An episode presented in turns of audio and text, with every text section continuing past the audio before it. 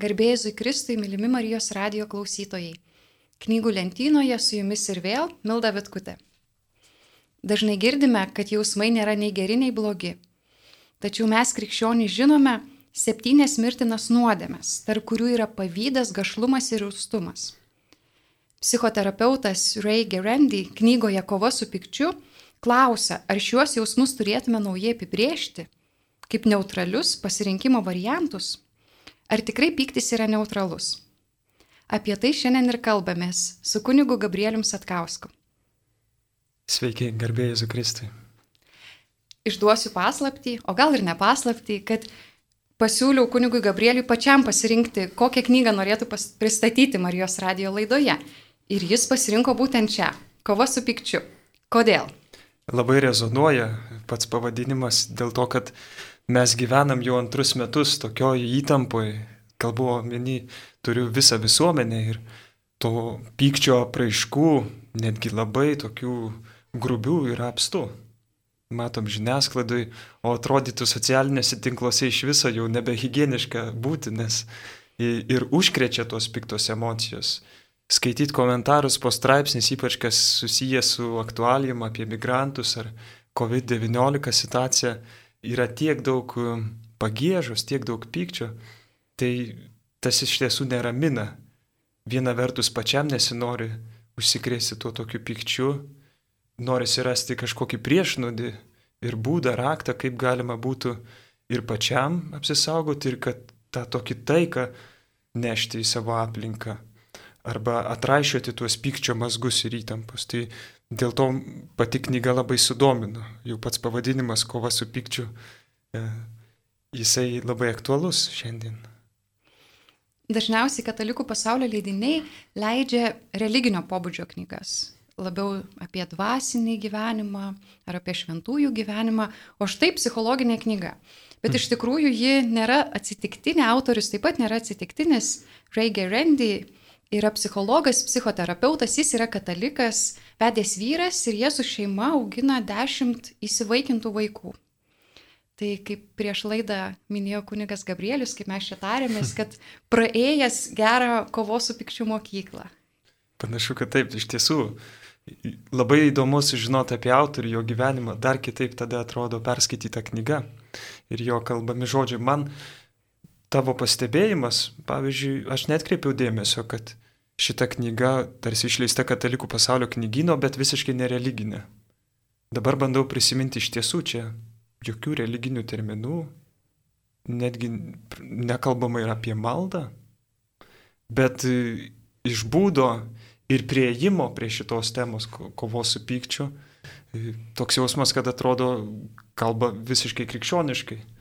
Ir dėl to net nesusidaro įspūdis, kad nėra religinė knyga. Nors tikrai, reikia pripažinti, yra grinai psichologinė. Iš tikrųjų, labai didžiai skaitant, galima rasti keletą vietų, kur autorius nagrinėja Jėzaus gyvenimo momentus, ką mes skaitome Evangelijoje, kaip elgesi Jėzus. Ir tada jis įklausia, tai galbūt Jėzus sinagogoje nepraėjo kažkokios psichoterapijos mokyklos ar kurso. Taip, taip. Bet tai vienas tik tai sakinys, aš daugiau va dabar negalėčiau kažko pridurti, prisiminti. Bet e, jisai praktiškai yra labai parankus skaityti tiek tikinčiam, netikinčiam, labai įdomu, aktualu kiekvienam, nes esame asmuo, kuris irgi turim tą aistrą pykčio, gal vieniems sunkiau, kitiems lengviau su ją e, gyventi, bet kalba aktualiai žmogui, žmogus žmogui. Aš pati labai tariai žiūriu į psichologinės knygas. Šiais laikais žmonės deklaruoja, kad jie netiki Dievu, bet aš matau masinį tikėjimą psichologinę literatūrą.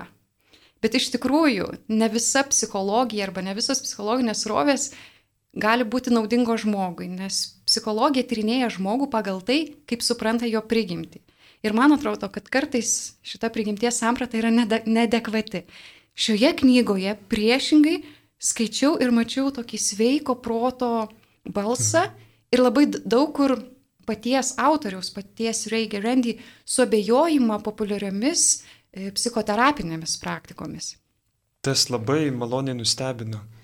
Mane patį pakeitė šiek tiek mano požiūrį, nes e, aš tikrai taip labai ramiai būčiau teigęs, jog emocijos aistros visada yra neutralios, nei teigiamos, nei neigiamos.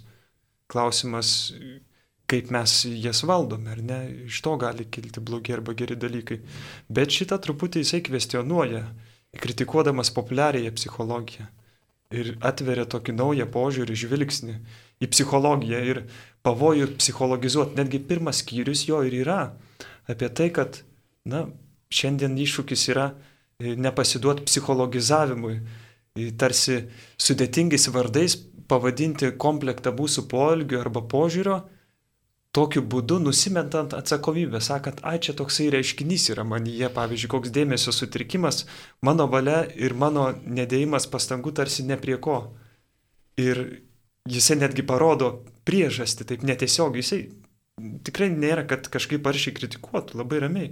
Sako, daug žmonių domisi psichologija ir pasiduoda psichologizmui, norėdami veikiau pateisinti savo valios nelaisvę, negu išlaisvinti savo valią. Ne? Tai jis kaip tik kviečia, kaip minėjot, į tokį atsakingą požiūrį į gyvenimą, į savo veiksmus, reakcijas, į pyktį. Ir labai sveika, labai tikrai tokį vidurio kelią išlaiko. Taip, kaip sako pats autorius, sutrikimas, ta gauta diagnozė, nėra elgesio priežastis. Tai tiesiog šio elgesio pavadinimas. Taip ir emocijos, kurių gausa kartais jau nustatoma kaip sutrikimas, kitą kartą pakanka paprastų emocijų, kurios sukels daug daugiau problemų negu to sutrikimo turėjimas. Čia labai subjektivu ir ta riba tarp sutrikimo ar problemos emocinės kažkokios įtampos epizodo mano gyvenime, na jinai labai labai slidi ir sunkiai pamatuojama. Ir man patiko, nes autorius sako, na mes turim neįsikabinti tų etikečių, į, tų, į tas diagnozes, nes vis tik tais, na, psichologijos mokslas, aš sakyčiau, kabutėse, nes tai nėra tikslusis mokslas, nes tai remės kažkokią antropologiją, kas iš esmės yra filosofija. Ir labai svarbu žiūrėti, iš kokios filosofijos ir antropologijos kyla į psichologijos mokslus, nes kita kartais gali būti labai žalingas ir destruktyvus. Ir neišlaisvinantis žmogų, bet sukaustantis. Tai man labai patinka šita knyga, nes toks jausmas, kad jisai, jis nepropaguoja, neiškelia kažkokios vat, psichologijos rovės. Aš dabar net turėčiau pagalvoti, ką jisai atstovauja, na, kur glaudžiasi, kokioj krypti. Bet atrodo labai sveika, gyvenimiška, išmintinga žvilgsnį pateikia kalbant apie atsakomybę, pyktį, jausmus, kaip juos suvaldyti, kontroliuoti. Kalbant apie tai, kokią psichologinę srovę atstovauja, kad sunku ją įvardinti, nu man atrodo, kad jis turi tokio e, sveikos, krikščioniškos. Na, aišku, kad ne Jungas ar, ne, ar, Freudas, bet mhm. jeigu sakyt konkrečiau. Aš irgi negalėčiau atpažinti, bet irgi pasikartosiu, radau tą sveiką nuovoką, kuri kyla visgi iš krikščioniško požiūrį į tikrovę. Pavyzdžiui, jis kalba apie tai, kad tėvai dažnai supyksta ant savo vaikų, nes priema asmeniškai galvodami, kad vaikai siekia juos suerzinti. Arba galvoja, kad jų vaikai yra labai geri ir, ir labai stipriai nusivilia, kai pamato jų destruktyvų elgesį. Ir autorius, štai 33 puslapis, koks simbolinis puslapis, sako, Mama gali pakoreguoti savo suvokimą, kai jis supyksta ant vaiko. Ar ji turėtų klaidinti save manydama, jog valius, čia vaikas situacija, kurią pristato, jog valius yra tiesiogiai nesuprastas mielas vaikutis? Ne? Ne, atsako autorius. Jei dėrėtų regėti jį kaip normalų vaiką, taigi linkusi į savanaudiškumą ir savivalę. Kitaip tariant, prigimtis skatina valių elgtis blogai, Kuo geriau mama suvokia tokią tikrovę, tuo ramiau ji geba ją reaguoti. Skaitydama šią mintį prisiminiau Siesliujus knygą Tiesiog krikščionybė, kuris kalba apie žmogaus prigimties dėsnį. Sako, žmogaus prigimties dėsnis yra toksai, kad kiekvienas žmogus suvokia, kas yra teisinga ir kas neteisinga, ir kiekvienas iš mūsų laužome šį dėsnį. Ir sako, tai yra vienintelis sveiko proto žvilgsnis į tikrovę. Jeigu to nepripažįsti, tu nesuvaki tikrovės sudėtingumo arba dvilypumo. Ir sako, šitai pamatyti galime, pavyzdžiui, stebėdami žmogų, kuris jaučia malonumą dirdamas katį kailį. Ir turbūt kartais tevam sunku priimti, kad jų vaikai gali būti linkę į savanaudiškumą. Tikrai labai pastebima žymė šito autoriaus toks sveikas žvilgsnis, toks realizmas ne, į savo jausmų, savo emocijų, savo santykių su kitų, gal nedekvačiomis emocijomis, toks realizmas. Jis tą nekartą įvairiais būdais į tai kreipia, į tokį išeimą iš iliuzijų, stereotipų apie pyktį, apie kažkokius... Man labai įsiminė mintis septintam skyriuje. Jisai kalba apie... Šiandien daug kalbam apie teisės, Ir aš turiu teisę į vieną, į kitą dalyką. Vaikai tėvus kartais net terrorizuoja. Čia mano teisė turėti telefoną, čia mano teisė valgyti desertą, ar ne? Mama, čia mano teisė, kad mano drabužiai būtų išplauti, kodėl jie neišplauti? Tarsi tai pristatoma kaip teisė, o autorius sako, ne, tai nėra teisė, tai yra mūsų kartai, tai yra privilegija. Tai yra gerybė sukauptos ankstesnių kartų, yra yra dovana, yra malonė iš kito tau suteikta privilegija ir aš negaliu reikalauti iš jo tos malonės, kaip negaliu iš Dievo reikalauti malonės, kažkokios dovanos. Ir, ir parodo, kaip dažnai vaikai supyksta ir tai vadina savo teisę ir spaudžia tėvus ir ta pykčio priežastis neteisingos sampratos tų gėrių, ką, ką mes turime. Net tai irgi mūsų santykis su materija su tuo, ką pasiekėm, kaip gyvenam, jau nuo pat mažumės, kaip svarbu, kad tėvai e, ugdytų vaikų dėkingumą savo, dėkingumą už tas gerybės, kurias gauna iš tėvų, Dievui dėkingumą. Jeigu nėra ugdomas dėkingumas, tada atsiranda daug vietos pykčiui ir spaudimui kitų, čia mano teisės, aš reikalauju, o toksai teiginys, kad aš turiu teisę pykti, na, jisai nepagrįstas, sako autorius. Niekas neturi, ne tai, kad neturi teisės pykti, bet teis, pyk, pyktis yra pasirinkimas, bet ne teisė. Ne? Nėra kažkokio pagristumo pagrindo pasiduoti pykčiui. Kaip pats autorius teigia, kad net jeigu ir aš teisėtai pykstu, bet pats pyktis man pačiam yra labai nenaudingas. Ir dėl to net ir teisėtoje pykčio situacijoje yra vertingiau neleisti pykčiui įsiliepsnuoti. Ir kuo anksčiau, nes paskui jau gali būti nebeįmanoma sustabdyti. Ir kitam skyriui sako, nepiknaudžiauti pykčiu, nes tai yra lyg narkotikas. Ilgainiui pasiekti tikslui pykčio reikia vis daugiau, pavyzdžiui, nuraminti vaiką, kad klausytų. Kiekvieną kartą reikės vis labiau pakelt balsą kažkaip vis labiau pagrasinti. Ir galiausiai kažkada net ir didžiausias pyktis nebeduos rezultatų.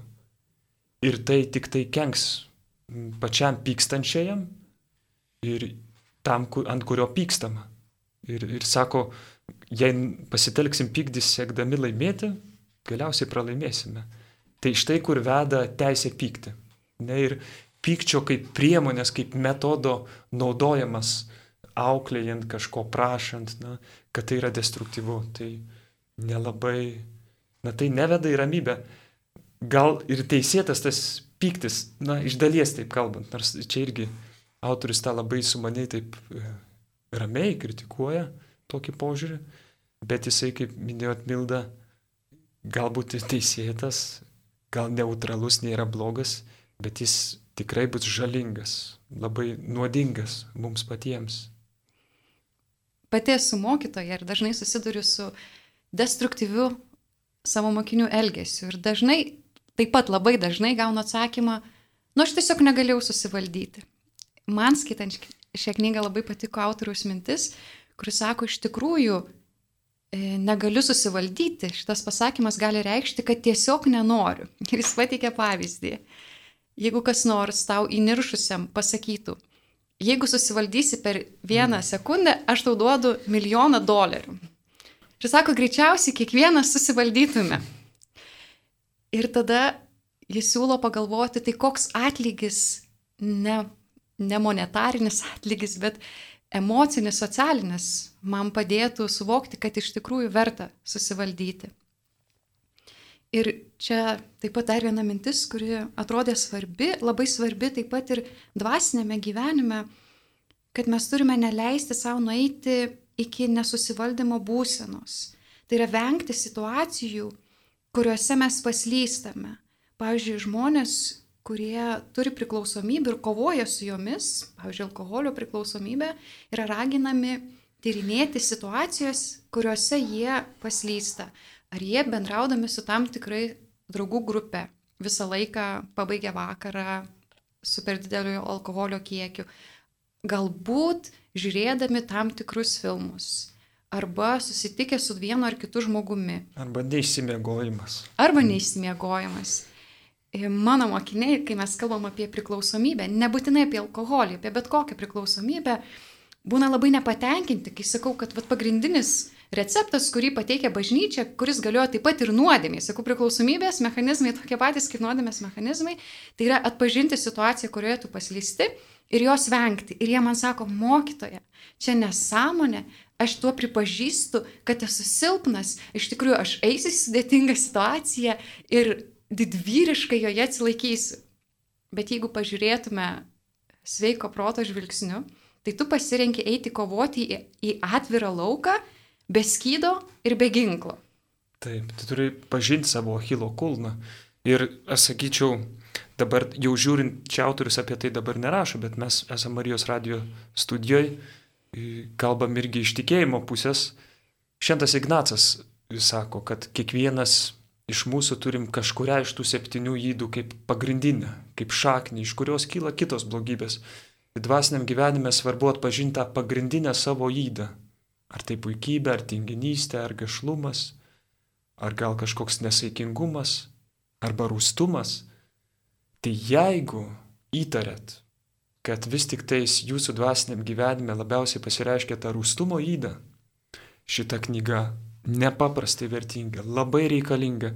Jeigu jūs jau nuvargino ir ima siutas šiandieniniai pandemijos situacijai dėl to, kas vyksta, labai reikalinga ši knyga. Labai įdomu buvo šeštam skyriui skaityti autoriaus suformuoluotą principą, taip įdomi, mes jį kitaip girdim šventam rašte, o jisai sako, elgtis su artimaisiais taip, kaip su tolimaisiais. Jis kalba apie tokį artumo dėsnį, kad labiausiai mūsų įtužį, atkreipim dėmesį, iš tiesų, labiausiai patiria artimieji, artimiausi žmonės. Jie mus mato pikčiausius, daugiau kiti žmonės nemato mūsų tokių piktų kaip artimiausiai, kuriuos labiausiai mylime. Nes tas mūsų fizinis artumas, autorius rašo, išmėgina ir tą emocinį artumą. Mes turim didesnius lūkesčius, kad jeigu aš gerai elgiuosi, tai ir kitas turi su manim. Mes geriau pažindami tą žmogų, labiau jaučiam jo kampu aštrumą. Ir autorius sako, mes na, turim susimažinti tą tokį nesveiką lūkestį, priimti kitą tokį, koks jis yra. Elgtis su artimaisiais taip, kaip su tolimaisiais. Iš tiesų, pagalvokim, pirmą kartą sutiktas žmogus, kaip mes bendraujame, kokie malonus esame, mandagus, o, o kaip su artimaisiais, kur daugybę metų, gal net tėveliais, kitą kartą šiurkščiai kalbam ar, ar ignoruojam.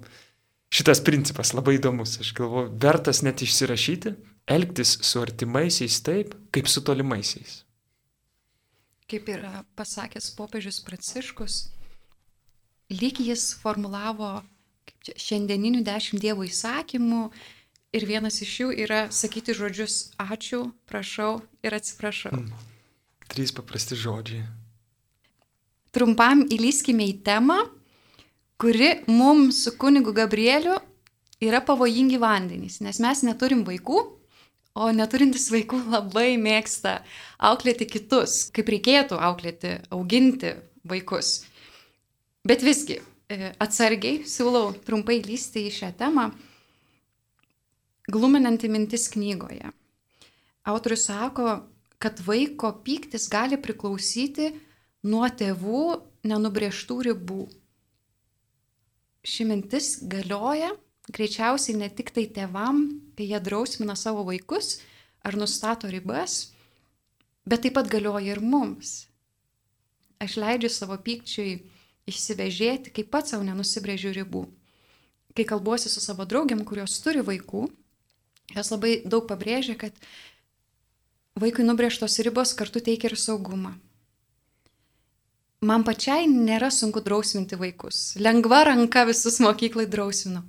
Bet pastebiu mamų, kurios negeba drausminti savo vaikų, jos jaučia vidinį spaudimą, emocinį sunkumą sudrausminti vaikus. Anksčiau niekaip nesupratau, kodėl tai galėtų būti. Atsakymą man pasakė viena mama, kuri užaugo su tėvais, sergant, su tėvais, kurie sirgo depresiją. Ir jis sakė, kad jos kaip vaiko patirtis buvo tokia, jog kai mama blogai jaučiasi, ji visą laiką kaltino ją ir kiekvieną kartą nubausdama kerštavo. Bausmė, pritaikoma bausmė arba ribos suteikimas, tai buvo keršimas dukrai. Ir ji pati, drausmindama vaikus, visų kūnų jaučia tai, ką jautė, kai drausmino ją mama. Ir jinai galvoja, Sako, nors samoningai suprantu, bet kažkaip emociškai galvoja, kad ir jie jaus štai šį pažeminimą, sutriuškinimą. Ir skaitydama šią knygą galvojau, kaip jausis tokie tėvai, kuriems sunku drausminti vaikus. Labai lengva kitiem aiškinti, kad reikia nubrėžti ribas, bet kiekvienas mes turim savų sužeidimų, kurie mums neleidžia taip lengvai pritaikyti patarimų.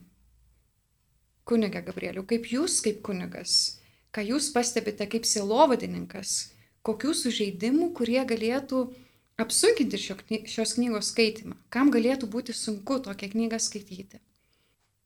Kurie ypatingai va, su tom aptariamom autoriaus problemom susidūrė patys vaikystėje, kaip minėjai. Man atrodo, vis tiek verta skaityti šitą knygą ir jinai gali būti toks kaip įžanga ir įvadas, jeigu norėsit jau konkrečiai žiūrėti, kaip labai konkrečiai auklėti vaiką ar paauglį yra visa serija naudingų gerų knygų išleisti irgi katalikų pasaulio knyginę, kaip mylėti savo paauglį vaiką. Bet čia šita knyga, jeigu siekite dar išmintingiau auklėti savo vaikus, paauglius, tai gali būti puikus įvadas į šitą kelionę.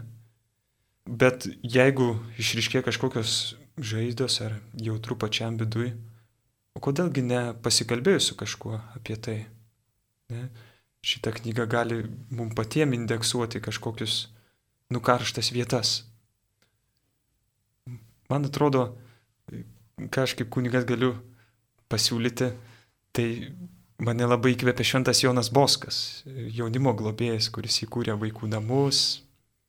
Ir jis, pavyzdžiui, jeigu sakydavo kritiką vaikų arba brėždavo ribas, tai vadovaus taisyklę visada sakyti prie keturių akių, kad nepažeminti vaiko kitų akise.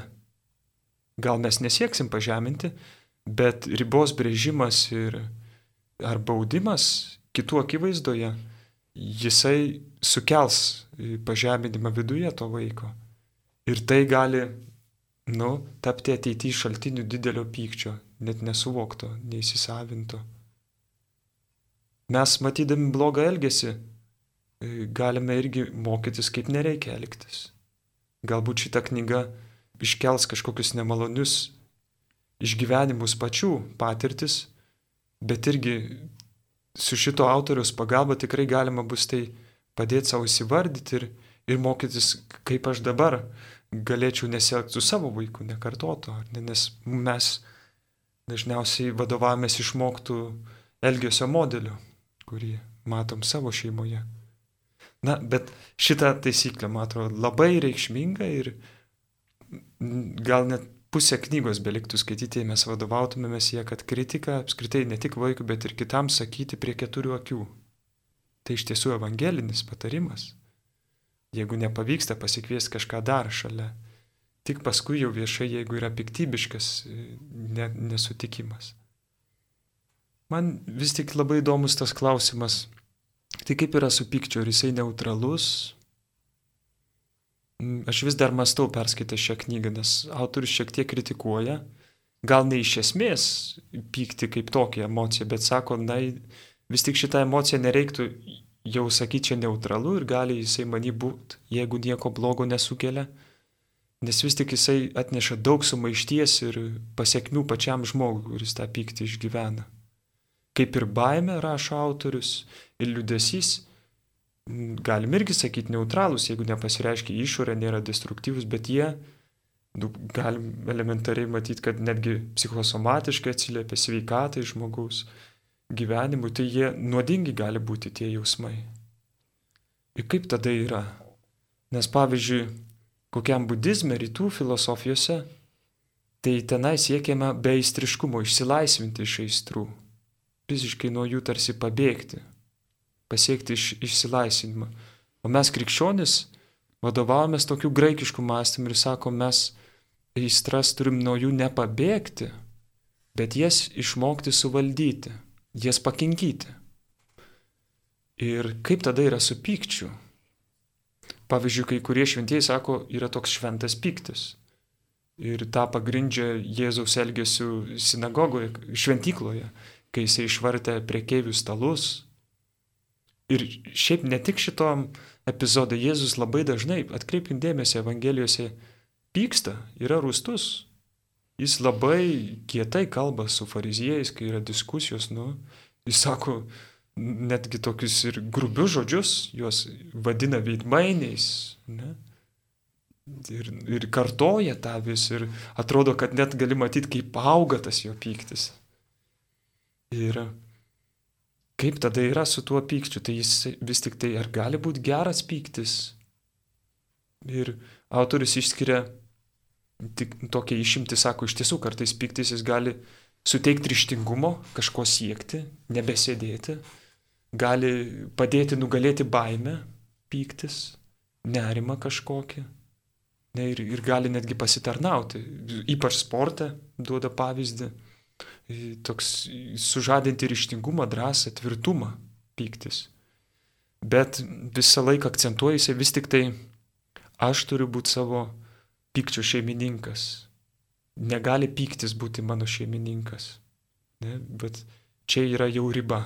Niekada negali piktis būti stipresnis už mano valią.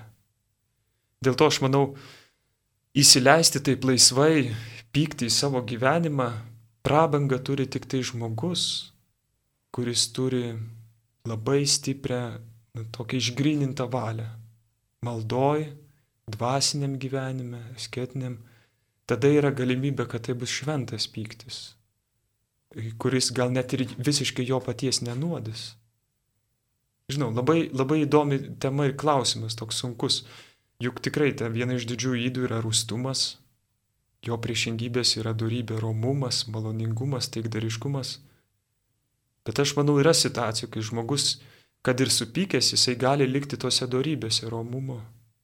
Kaip mes kalbėjom prieš laidą, ar ne? Ir autoriaus mintį tą aptariam, kad kai tu pyksti, jis labai svarbus pyktis, nes jis gali padėti kitam išgirsti, ką tu nori pasakyti. Be pykčio, jeigu sakysi, jis gal neišgirs, netgi net kreips dėmesio, bet svarbu tada dėti akcentą ne į pyktį, o į žinutę. Ir čia buvo užsiminęs autorius apie tą nesmurtinį bendravimą. Žinau, kad Lietuvoje net būna kursai organizuojami, kas yra nesmurtinis bendravimas ir kaip bendrauti nesmurtiškai. Ir čia labai aktualu, ne, kad mokėti iš tiesų pasakyti kitam, kaip aš jaučiuosi neveidmainiauti ir neužslopinti savį kažko pykčio, kažko neigiamo. Tai šita knyga, žingsnis po žingsnio, jinai labai taip nuosekliai veda į vis tokį gilesnį apmąstymą savo emocijų, kaip ar aš jas apvaldau ir kaip jas reikėtų kreipti, kad nesužeist kitų ir nesinuodyti pačiam. Kaip sako pats autorius Ray Gerandy, kad pyktis yra simptomas Ir dėl to reikia ieškoti priežasties.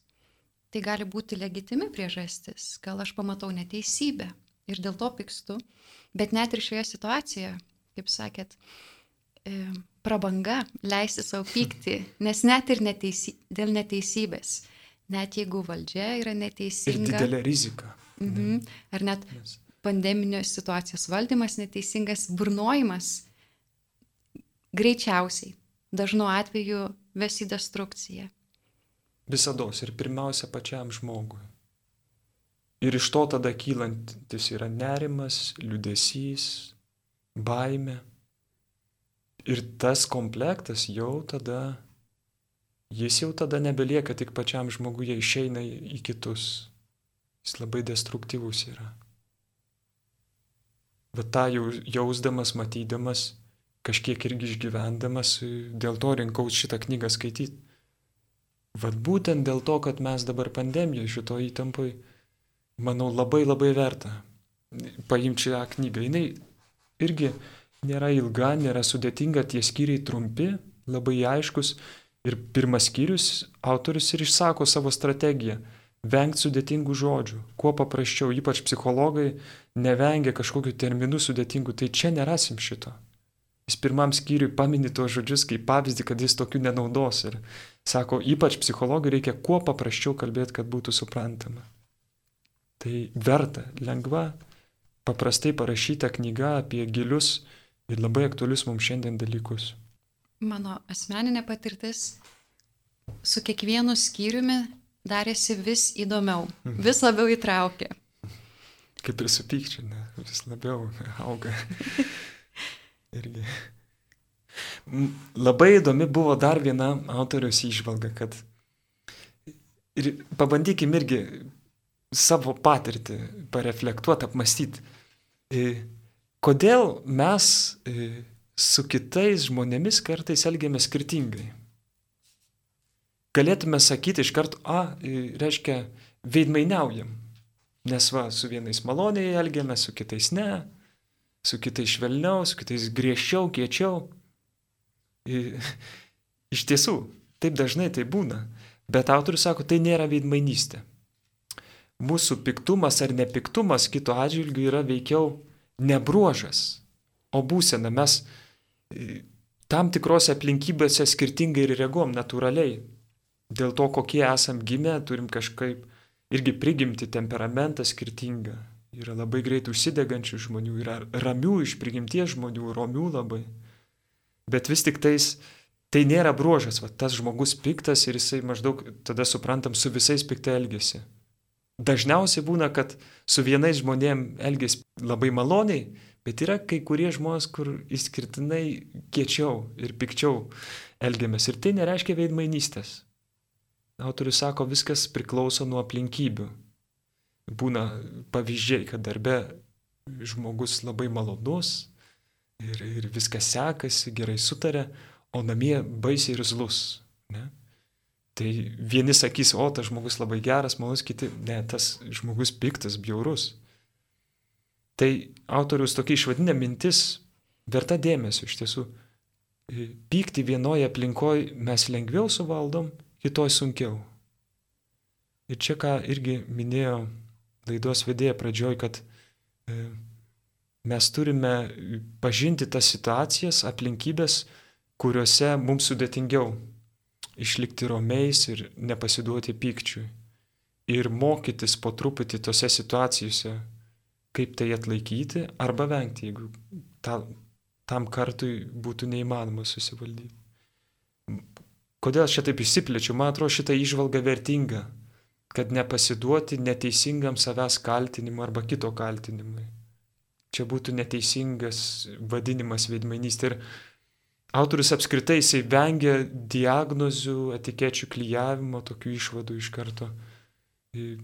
Bando taip praktiškai parodyti gilesnį žvilgsnį. Ja? Tai šita išvalga labai vertinga.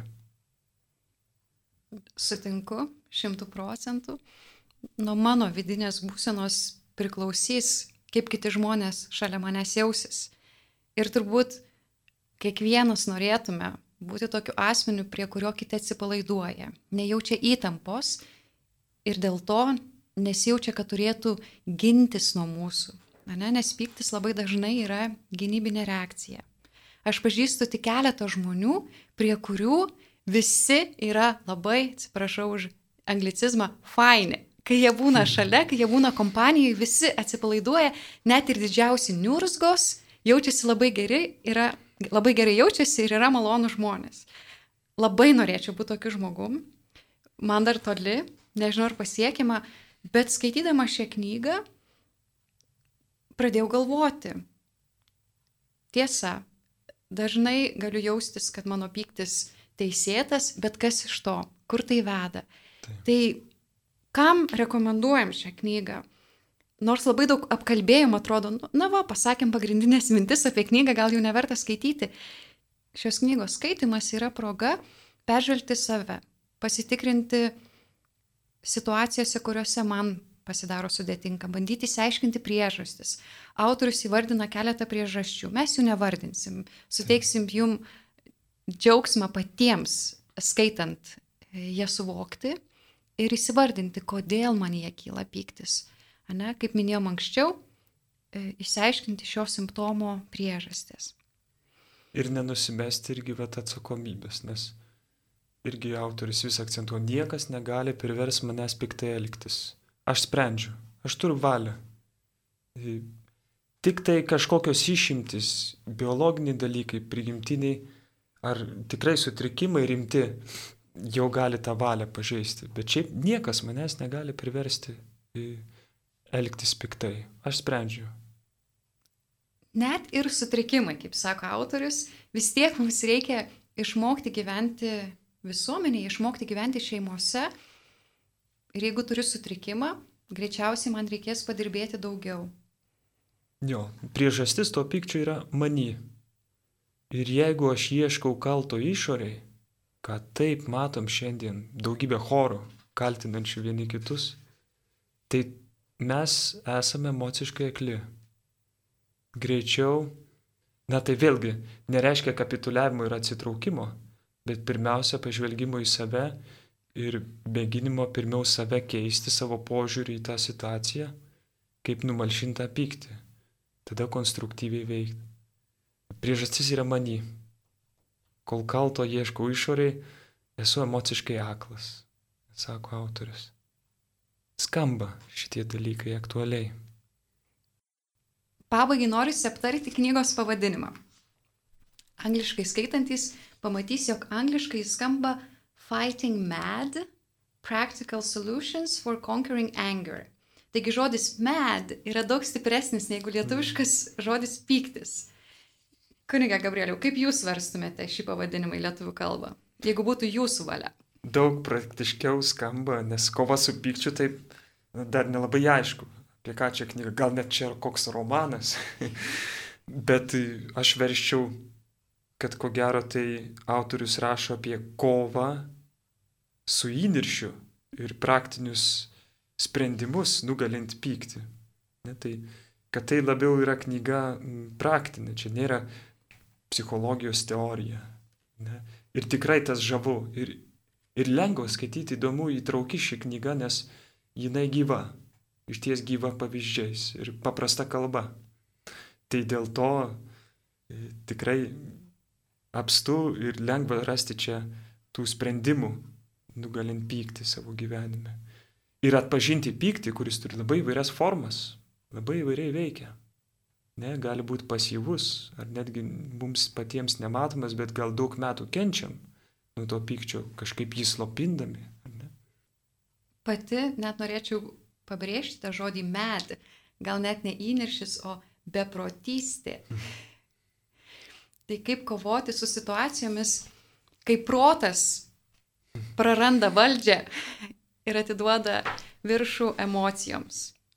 Dėkojame, mylimi Marijos radio klausytojai, jums uždėmesį. Šiandien su kunigu Gabrielium Satkausku aptarinėjome Katalikų pasaulio leidinių išleistą knygą Kova su pikčiu autoriaus Ray Gerandy. Sudie. Sudie.